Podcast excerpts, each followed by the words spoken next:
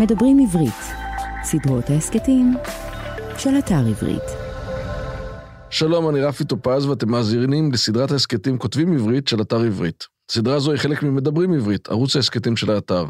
מדי פרק נפגוש סופרת או סופר ונדבר על הרצון או הדחף לכתוב, על החיים עצמם ושלל עיסוקים אחרים. והיום אני שמח לארח את הסופרת והעורכת סלין אסייג. היי סלין, נתחיל? כן, שלום. אז כמה נקודות מקורות החיים שלך ממש בקצרה. אה, סלין נולדה בקריית גת וגדלה בבת ים, שם היא גרה עד היום. היא בעלת תואר ראשון בפילוסופיה ותואר שני בכתיבה יוצרת מאוניברסיטת בן גוריון. עבדה כהנדסאית מכונות 25 שנה, היום היא עורכת ספרות מקור בידיעות ספרים, עורכת כתב העת צריף ומעבירה סדנאות כתיבה. סלין פרסמה שלושה רומנים ומגוון סיפורים קצרים. על ספריה הייתה מועמדת פעמיים לפרס ספיר, זכתה בפרס שרת התרבות וזכתה בפרס היצירה לסופרים עבריים על שם לוי אשכול. נכון? דייקתי? נכון, כן. אה, אז באמת, אה, תודה שבאת, ואני שמח לארח אותך, ואני אשמח שנתחיל לדבר דווקא על קריאה. אני אוהב אה, להתחיל לדבר, להסתכל על הכתיבה, וקודם כל, אבל איך הקריאה הובילה לכתיבה, והאם בכלל. אז בתור כילדה, את זוכרת את עצמך כילדה קוראת, חוויית הקריאה שלך, ספרים שאת זוכרת שקראת, או שלא, כן, זה גם כן... אני אגיד ככה, אני גדלתי בבית שאין בו ספרים. הספרים היחידים שהיו, זו הייתה אנציקלופדיית תרבות ומכלל. אבל הייתה לי חברה ממש טובה שהיה לה מנוי לספרייה העירונית, והיא הייתה קוראת מהר, אז אני נאלצתי לקרוא יותר מהר, כי היא הייתה מביאה לי את הספרים ואז הייתי קוראת אותם. קראתי כמעט כל מה שהגיע אליי. זה לא, לא, לא הייתה לי איזושהי יד מכוונת, או אה, בעצמי לא הייתה שום סלקציה. ואני חושבת, אה, במשך הרבה מאוד שנים, אה, אחרי, אולי עד לפני כמה שנים, ואולי זאת הסיבה, הסיבה נעוצה שם, אה, אף פעם לא הפסקתי ספר באמצע. באמת? כן, תמיד הייתי קוראת עד הסוף. ובשנים האחרונות כזה, בגלל שכאילו יש איזשהו, אה, אני כאילו מרגישה שהזמן קצר וצריך אה, אה, למצוא את הדברים שאתה באמת רוצה להשקיע בהם, שאני רוצה להשקיע בהם את הזמן, אז אני יוצרת... מוסיקה? אחרי עמוד 30, 50, היו כמה שהתעקשתי עד הסוף, ואחרי זה אמרתי, חבל על ההתעקשות, אבל כן. אני חושב, דרך אגב, ש... קראתי, אם אני זוכר נכון, באנדרסון מלך הגשם של סולבלו, אז הגיבור שם אומר מתישהו שזה שמישהו כתב את כל הספר, למרות שהוא צריך לקרוא את כולו. אז לי זה שינה, כי אני באמת, גם כן הייתי מקפיד תמיד לקרוא עד הסוף, עד שהבנתי שלפעמים אפשר לעצור אם זה פשוט לא מתאים לך או לא טוב או מה שלא יהיה. אז אני חושבת שכמו ש... אמ, כמו כל דבר אחר בחיים, הטעם הספרותי שלנו הוא דבר שמתפתח, ושככל שאנחנו מתבגרים, אנחנו יודעים לזהות את הדבר שיש לנו עניין להמשיך ולקרוא בו. והיום אני יודעת בוודאות, כבר מן העמודים הראשונים, אם זה מה שמתאים לי, ויכול להיות שזה גם כן אה, כושר שפיתחתי אה, בעקבות העבודה בהוצאה לאור, כי אתה לא יכול לקרוא את כל מה שמגיע, בטח לא מההתחלה עד הסוף. אז את באמת חושבת שמאז שאת אה, באמת עובדת בהוצאה לאור ואת עורכת, את קוראת אחרת? אה, אני חושבת שאני אה, קוראת אחרת מרגע שהתחלתי לכתוב, שזה היה לא כל כך מזמן, בערך לפני שמונה, תשע שנים.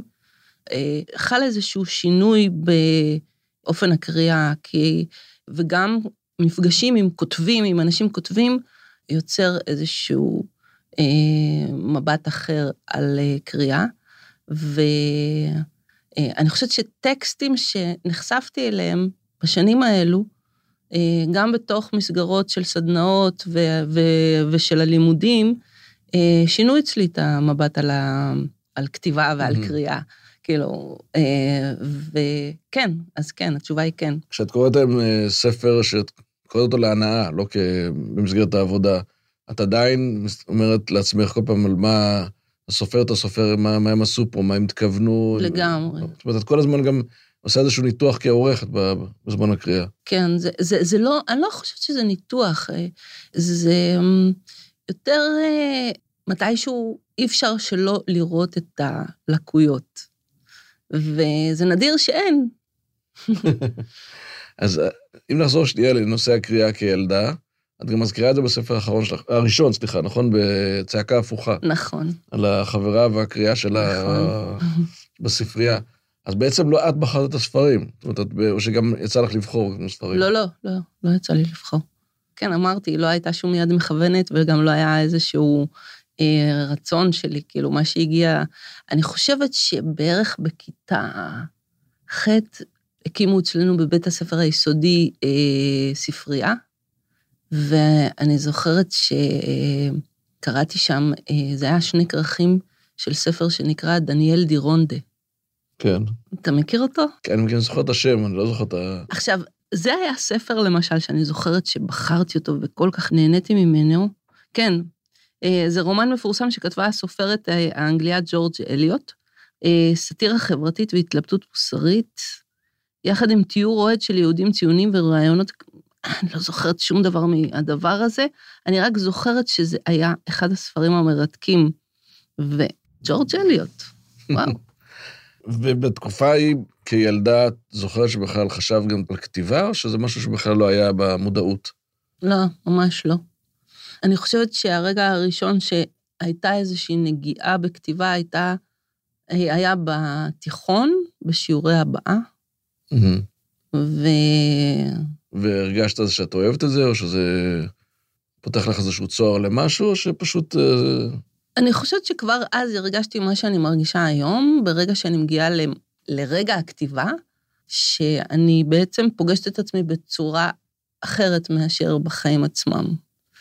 וזה רגע מאוד אמ, חזק ומלא, ויש בו הרבה מאוד רגשות ומחשבה, אה, וגם קושי מאוד גדול, כאילו, להעביר את התחושות האלה לדף. לדף. ויש בזה משהו מוזר, אה, מכיוון שזה באמת רגע כנראה מאוד מאוד אישי, ומין איזו התרכזות פנימה, ואז בסוף זה יוצא לכל העולם. זאת אומרת, גם התהליך של הכתיבה הוא תהליך בדרך כלל מאוד מאוד אישי, והכתיבה שלך היא גם מאוד, אה, מאוד אישית, וגם כנראה עם הרבה קווים אוטוביוגרפיים, ובסוף זה יוצא לכל העולם. ובספר הראשון חשבת על זה, או שהיית מודעת מ... למה שהולך לקרות, או שלא? מכיוון שאני לא הגעתי מהתחום, אני הגעתי לגמרי טבולה ראסה, ואני לא ידעתי, אני בעצמי אף פעם לא חשבתי לפנות למישהו שכתב משהו, זה נראה לי כמו איזה אה, משהו רחוק אה, ובלתי מושג. אה, וחשבתי שברגע שהספר יצא לאור, הוא יהיה לו את החיים משלו ולא יהיה לו שום קשר אליי. אבל אני חושבת שזה לא רק בגלל שלא הכרתי משהו אחר, אלא גם העידן הזה שיש נגישות דרך כל מיני מדיות לאנשים, לכותבים, לכמעט כל אחד אפשר להשיג אותו באיזושהי. דרך. אה, גיליתי שזה לא ככה. וזאת הייתה, השנה הראשונה הייתה מאוד מטלטלת, כי אה, אמרת שיש בו, בספרים שלי יסודות אוטוביוגרפיים, אבל אה, הם תמיד עוברים איזושהי טרנספורמציה, זה לא אחד לאחד אף פעם. כן, כן, ברור. זה מלווה בהרבה בדיון, לכן אני חושבת שהספרים שלי הם לא ממוארים. כן. ואם נחזור רגע באמת לאוניברסיטה או ללימודים, קודם כל יש אצלך שני צדדים מאוד מאוד שונים מלהיות אה, הנדסאית מכונות, ללמוד פילוסופיה וכתיבה יוצרת.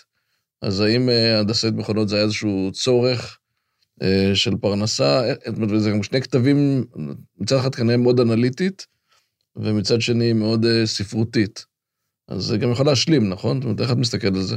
אה, אני אגיד, אני אגיד לך מה, אמ, כשהייתי בתיכון למדתי במגמה ריאלית, מתמטיקה, פיזיקה, ומאוד אהבתי את זה, מאוד אהבתי את כל מה שקשור להנדסה בעיקר. והיה לי איזה ניסיון קצר, שאני כותבת עליו בפרקי מכונות. אה, כשהייתי בתיכון היה לי חבר טוב, והיינו כותבים שירה, ואיכשהו הגעתי לדוד אבידן, והוא כזה הסתכל על השירים ודי נפנף אותי, וכאילו הרגשתי שזה, זהו, כאילו, זה לא, זה לא משהו ש... אין לי את זה בעצם. אה, ואז המשכתי ולמדתי כל מיני דברים, אבל תמיד הייתה לי משיכה כנראה לספרות ופילוסופיה, וקראתי המון, ו... אה, למדתי הנדסאות מכונות ועבדתי בזה, ומאוד נהניתי מהעבודה. זו עבודה מאוד יצירתית. אהה. זה עבודה שדורשת ממך כל הזמן לתכנן ו- ולמצוא כל מיני פתרונות, וכמעט כל יום יש איזו חידה מאוד כזאת ש- שהפתרון שלה ממלא סיפוק. אז אני חושבת שיכול להיות שהיצירתיות נותבה ל- למקום הזה, ובשלב מסוים, כשהתחלתי לכתוב, אז אה, זה כבר היה פחות מעניין. זאת אומרת שתוך כדי שעבדת בזה, אהבת את זה, זאת אומרת, זה היה לך... לגמרי, מאוד אהבתי את זה. אה, ואמרת... וחוץ מזה, בעניין שאמרת, כאילו, ענייני פרנסה, אז כן, זה היה משהו שאפשר היה להתפרנס ממנו. כן, ספרות פחות. ואם דיברת על דוד אבידן ועל אותו סיפור של אה, השירים שלך, זה מעניין, זאת אומרת שאותו מפגש קצר בעצם עצר אותך לתקופה די ארוכה מבחינת כתיבה. אה, אף פעם לא ייחסתי לזה חשיבות, כי הייתי משוכנעת שאין לזה קשר, ושזה פשוט, אה, אין לי את הכישרון, וזה לא משהו שצריך שאני אתעסק בו. וכאילו, די הייתי רחוקה מהתחום, קראתי, כן, אבל לא, לא חשבתי בכלל בכיוון. ומה החזיר אותך לכתיבה? הרבה פעמים כשאני חושבת על זה או רוצה לספר את זה, זה נראה לי קצת אה, אפילו אה, מנקר עיניים, כי אני עשיתי את התואר הראשון בפילוסופיה, התחלתי תואר שני ומאוד לא, לא אהבתי את האוניברסיטה. את התואר הראשון עשיתי בפתוחה, שזה כאילו כמעט לימודים לבד, אה, ואז הפסקתי. והיה ככה איזו תקופה שלא למדתי, וראיתי שהיו הרבה מאוד פרסומים על סדנאות כתיבה באותו זמן, ואמרתי, קדימה, ננסה אחת. ואז הייתי בסדנה של גיא לרבן, שגם אותה מאוד אהבתי, וגם היא אהבה את הכתיבה שלי. ואז המשכתי לסמי ברדוגו, ושם בעצם אה, רוב הכתיבה שלי נעשתה בסדנאות של סמי. ושנייה לפני שהספר הראשון יצא לאור, אה, נרשמתי ללימודים בבן גוריון, וגם שם יש הרבה מאוד אה, סדנאות והתעסקות בספרות שהייתה, כאילו הרגשתי שאני במקום שלי. וזאת הזדמנות מעניינת לשאול אותך באמת לגבי סדנאות כתיבה. כי זה באמת דבר שמאוד מאוד התפתח, ויש המון סדנאות כתיבה, והרבה פעמים אומרים, אם מישהו יודע, הוא סופר, אז הוא לא צריך סדנאות כתיבה. אז זהו, אני חושבת ש, שזה נורא לא יפה לדבר ככה על סדנאות כתיבה. אני חושבת שסדנאות כתיבה זה איזשהו מרחב של מפגש של אנשים כותבים, ואנשים כותבים קוראים טקסטים אחרת מאשר אנשים שהם אינם כותבים, ויש בתוך הסדנה ביקורת ולימוד, ואני לא חושבת שאתה לומד להיות סופר בסדנה. הרבה פעמים אנשים מגיעים כי מה שחשוב לי, אה, שאנשים בסדנה יצליחו לעשות, זה לא, אין צורך שהם יכתבו עכשיו ספר או סיפור, זה לא העניין, את זה הם, הם, הם לא, גם אין לי מה ללמד אותם מעבר למה שנמצא בכל אה, מדריכי הכתיבה. וגם אני אומרת להם את זה, אם אתם רוצים לכתוב סיפור כמו שצריך, לכו תקראו אה, אה, מדריך כתיבה, יש אין סוף, כל שנייה יוצאים עוד ועוד אה, מדריכי כתיבה, טובים יותר, טובים פחות, אבל מה שחשוב לי כן לגרום לאנשים בסדנאות, ובכלל, אנשים שאני עובדת איתם, זה להגיע לחוויה שלי יש בזמן הכתיבה. ומה שאמרתי קודם, לפגוש את עצמי בדרך הבלתי אמצעית, ולהביא את זה לתוך הכתיבה. ואני חושבת ש, שהיום אני יכולה לזהות אנשים שכותבים בדרך הזאת, וזה גם מה שמעניין אותי להוציא לאור. ונחזור לצעקה הפוכה, שזה אגב שם נפלא לספר, או שם נפלא בכלל. תודה. החלטת על השם מההתחלה, או שזה היה בסוף הספר, או איך, איך בחרת את השם? דווקא בצעקה הפוכה, השם היה אחרי שהספר נכתב. יש שם בתוך הספר עצמו איזה קטע שמספר, שהוא שוב, הוא לא דומה למציאות. המציאות הייתה אחרת קצת. בספר עצמו, כאילו, יש איזשהו בית שגרים שם אח ואחות, נדמה לי, זה כבר היה מזמן, ואחת השכנות שבבניינים שגרה ליד, אומרת שהיא שמעה מתוך הבית הזה צעקה, וכשהיא רוצה לתאר את זה, היא אומרת שזה נשמע כמו צעקה הפוכה. במציאות זה לא היה מה שקרה, אבל כן שמעתי מישהי מתארת צעקה כצעקה הפוכה, וזה נחרט לי בזיכרון. ובהתחלה לא חשבתי שאקרא לספר בשם הזה. היה שם אחר על הפרק, שם שהאימא אומרת, אה, מילה בערבית בעצם, אה, דלעדי, שזה כאילו להרחיק, ממ... לא, לא להגיד אסון ליד השם שלך, כדי שהוא לא. ייגע בך חלילה. ובהתחלה חשבתי על דלעדי, אבל אה, זה... יש בעיה עם מילים שאנשים לא יודעים את פירושם, אז זה מרחיק אותם, אז... והספר, התחושה ממנו, אה, שעוד פעם, למרות שזה לא ממואר, והרבה דברים שהם כנראה המצאה או שינוי או משהו, יש עדיין תחושה מאוד מאוד אישית. הוא כתוב בחלקו בגוף ראשון, כתוב גם בזמן הווה, כאילו בחלק, במין, אה, שכותבת את זה הילדה, וגם חלק מהשימוש בשפה זה כדי ממש, אה, יש משהו מאוד אותנטי, אוקיי? ו, ומצד שני, קטעים שהם יותר מורכבים, לפעמים יש הרחקה לגוף שלישי ו, ולעבר. איך התחלת לכתוב אותו ומה הניע אותך, או מה... מה... האמת היא שהספר הזה התחיל להיכתב אה, בסדנה של סמי אה, ברטוגו. אה, זו הייתה סדנה שנפרסה על שנה, והוא הזמין את המשתתפות, נדמה לי שהיה גם משתתף אחד, לנסות לכתוב משהו ארוך. כאילו לבנות שלד, לחשוב על דמויות, לאפיין את הדמויות. ואני לא, לא הצלחתי להתמסר לבקשה שלו הזאת, ופשוט הבאתי כל פעם קטעים שכתבתי באותו שבוע, שהם היו כמו איזה מין, אה, נבעו ממני ככה, ו, ו, וסמי מאוד התלהב, ובאיזשהו שלב אמרתי לו, אבל סמי, זה, זה, לא, זה לא ספר, זה לא, אין פה עלילה, אין איזשהו רצף. הוא כל הזמן אמר לי, תמשיכי, תמשיכי, ובסוף זה התלכד לספר הזה. אז ככה ש... אה, נעשה אה, לא מתוך איזושהי אה, מחשבה מושכלת. והתהליך שאת עברת תוך כדי הכתיבה של הקטעים האלה, זאת אומרת, היה פה גם מה שאת אומרת, מה שמובנה מבחינת זה שהייתה סדנה, והגעת לכל מפגש, אני מניח, מאוד קטע שכתבת. זה התחיל בנקודה מסוימת, אבל לאט לאט בטח היה פה איזשהו גם תהליך, נכון? זאת אומרת, הרגשת, כנראה שלא יודעת בדיוק לאן תלכי שהתחלת, אבל לאט לאט זה נבנה למשהו. את עברת גם תהליך פנימי תוך כדי הכתיבה הזאת? זאת אומרת, זה גם העביר אותך משהו? אז זהו, דווקא ב, אה, לפני אה, כחודש פגשתי את סמי כדי לדבר איתו על הדבר הבא, ואז הוא אמר לי, סלין, אולי מספיק עם האנליזה העצמית, תנסי משהו אחר. ו- ובאותו רגע אמרתי, יואו, הנה, הוא שחרר אותי מהדבר הזה, עכשיו אני אכתוב איזה סיפור רחוק ממני, אבל אני מרגישה שזה לא שזה לא הולך. לא יקרה. אבל זה מעניין שבאמת, כאילו, צעקה הפוכה זה על הילדות באיזשהו מקום, ופרקי מכונות זה על, עוד פעם, על העבודה בתחום של ההנדסאית המכונות, וימים למחיקה, שאתה מדבר עליו, אז זה בעצם על ההורים. זאת אומרת, יש, יש פה איזה... נכון. את כן מכסה את החיים, עוד פעם, זה לא ממואר, אבל עדיין יש פה המון עיסוק בחיים, ואם אני מסתכל ברמה היותר דווקא האוניברסלית ולא האישית, אז יש פה איזשהו משהו של הפרט תחת גלגלי השיניים של החברה באיזשהו מקום. זאת אומרת, יש איזה... מצד אחד יש בה הרבה מאוד, אפילו אופטימיות בצעקה הפוכה, בחוויות הנהדרות של, של ילדות, ומצד שני, יש הרבה, הרבה בדידות והרבה קושי בהתמודדות עם החברה, הרבה ביקורת חברתית. אז הכתיבה מגיעה בתוך צורך אה, להוציא את זה החוצה, ולהגיד את זה, זה עזר לך, זה שחרר אותך קצת, או ש...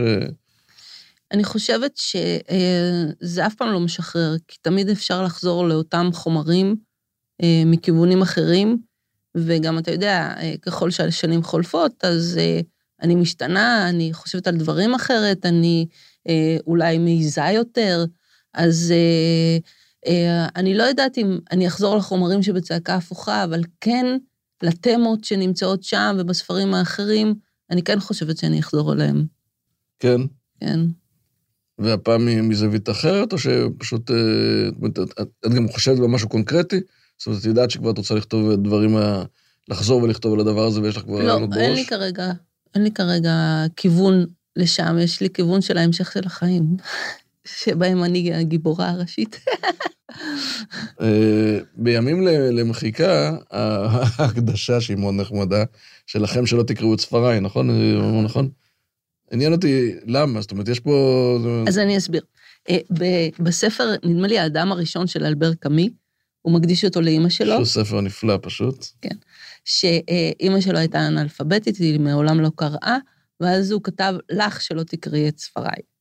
ואז כשראיתי את זה אמרתי, וואו, ההורים שלי לא קראו ולא יקראו את ספריי, הם כבר אה, הלכו לעולמם. אמ, ואז אמרתי, אני אכתוב לכם שלא תקראו את ספריי, ואז אמרתי, חשבתי, כל מי שיקרא יחשוב שזה מכוון אליו. אמרתי, יאללה, אין בעיה, כאילו, ממילא לא הרבה אנשים קוראים את ספריי.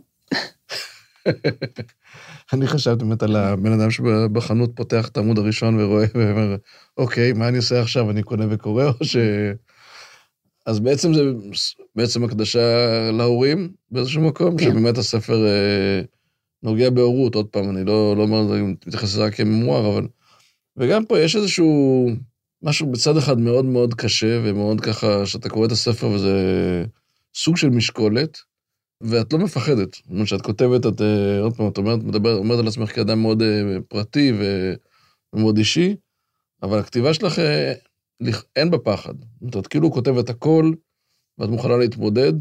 כשיוצא הספר, אני חוזר קצת למה שאמרתי גם בהתחלה, ושיוצא מה שיצא ימין למחיקה, שהוא יצא, איזה תגובות קיבלת, את, את רוצה לדבר עליו, את אומרת, קחו תדברו עם הספר, עזבו, לא, לא אני רוצה לעשות עכשיו פרשנות. אז אני חושבת שאחד הדברים בסדנות הכתיבה, זה מין אה, טבילת אש שאחריה, אה, שהיא מחסנת. אני זוכרת בפעמים הראשונות שהבאתי טקסטים, והתגובות שקיבלתי היו מאוד חזקות, אז זה, זה, זה חישל אותי. והיום אני מרגישה שאני יכולה להתמודד עם כל תגובה, ואני גם לא מפחדת לכתוב דברים שהם יכולים להיתפס כקשים, או... ו, ואני זוכרת שאחת התגובות אה, שראיתי איפשהו, אה, מישהו כתב, אה, זה לא ספר שאתה רוצה שהבת שלך תקרא.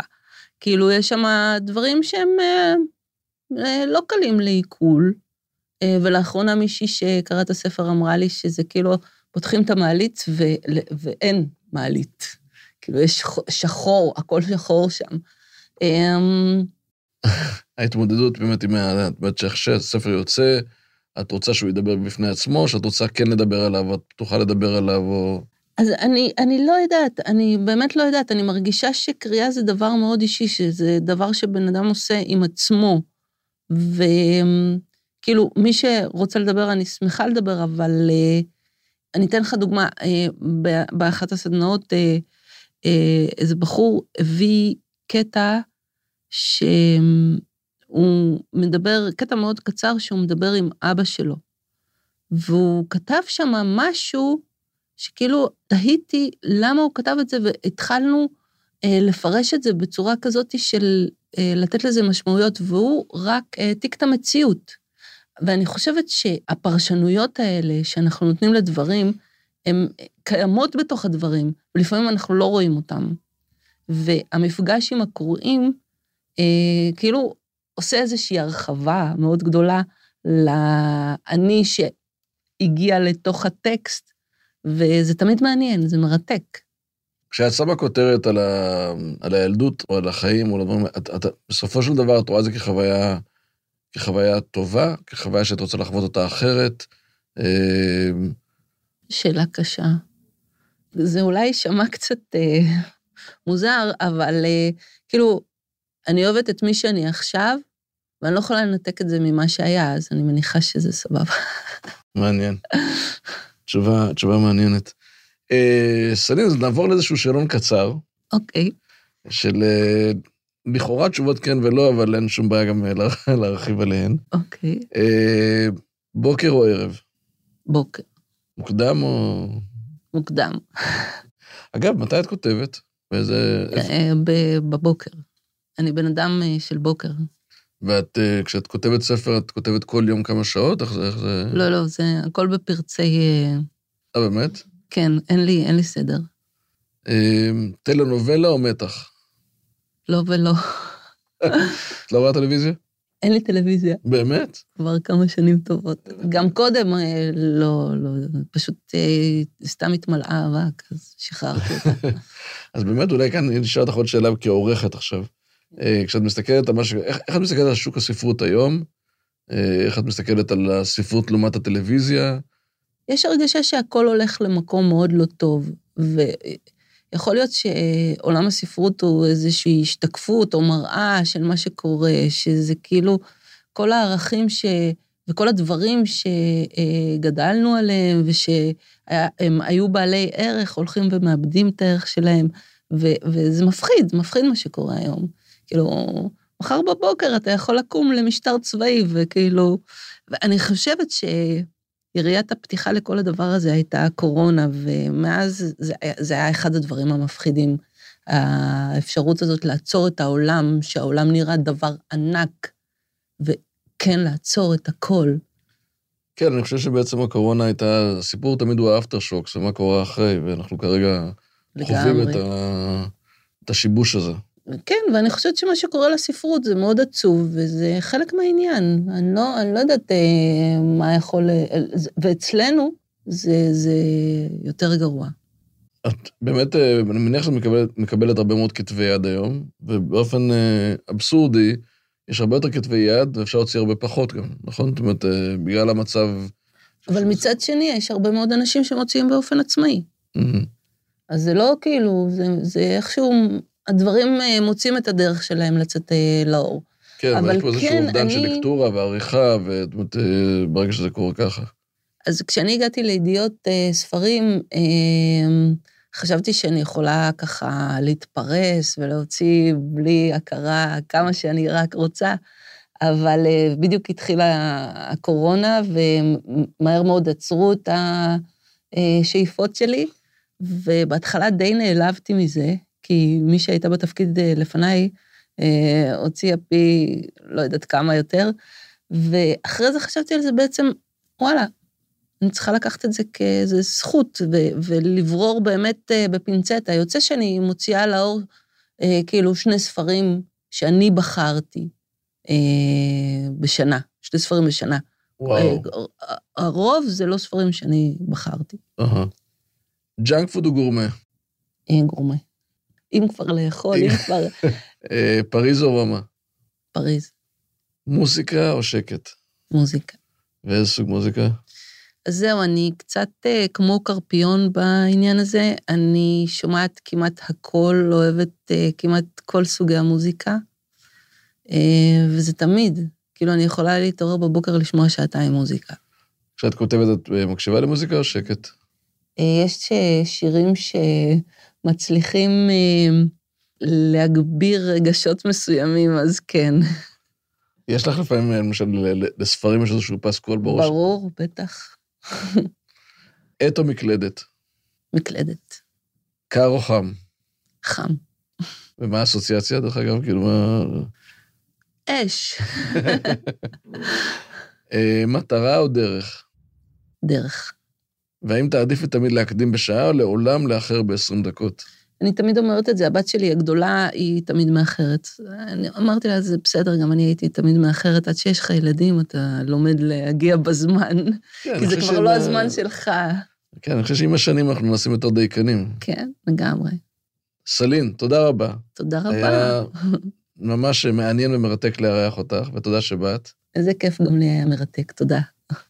האזנתם לכותבים עברית, סדרת ראיונות עם סופרות וסופרים במסגרת ערוץ ההסכתים של אתר עברית. באתר עברית תוכלו למצוא אלפי ספרים בכל הפורמטים, דיגיטליים, קוליים ומודפסים, וגם, כמובן, את הספרים של סלינה סייג. להתראות בפרק הבא. האזנתם לדברים עברית, סדרות ההסכתים מבית אתר עברית, חנות הספרים הדיגיטליים, מודפסים והקוליים הגדולה בישראל. ספר זה וספרים נוספים מחכים לכם באתר עברית.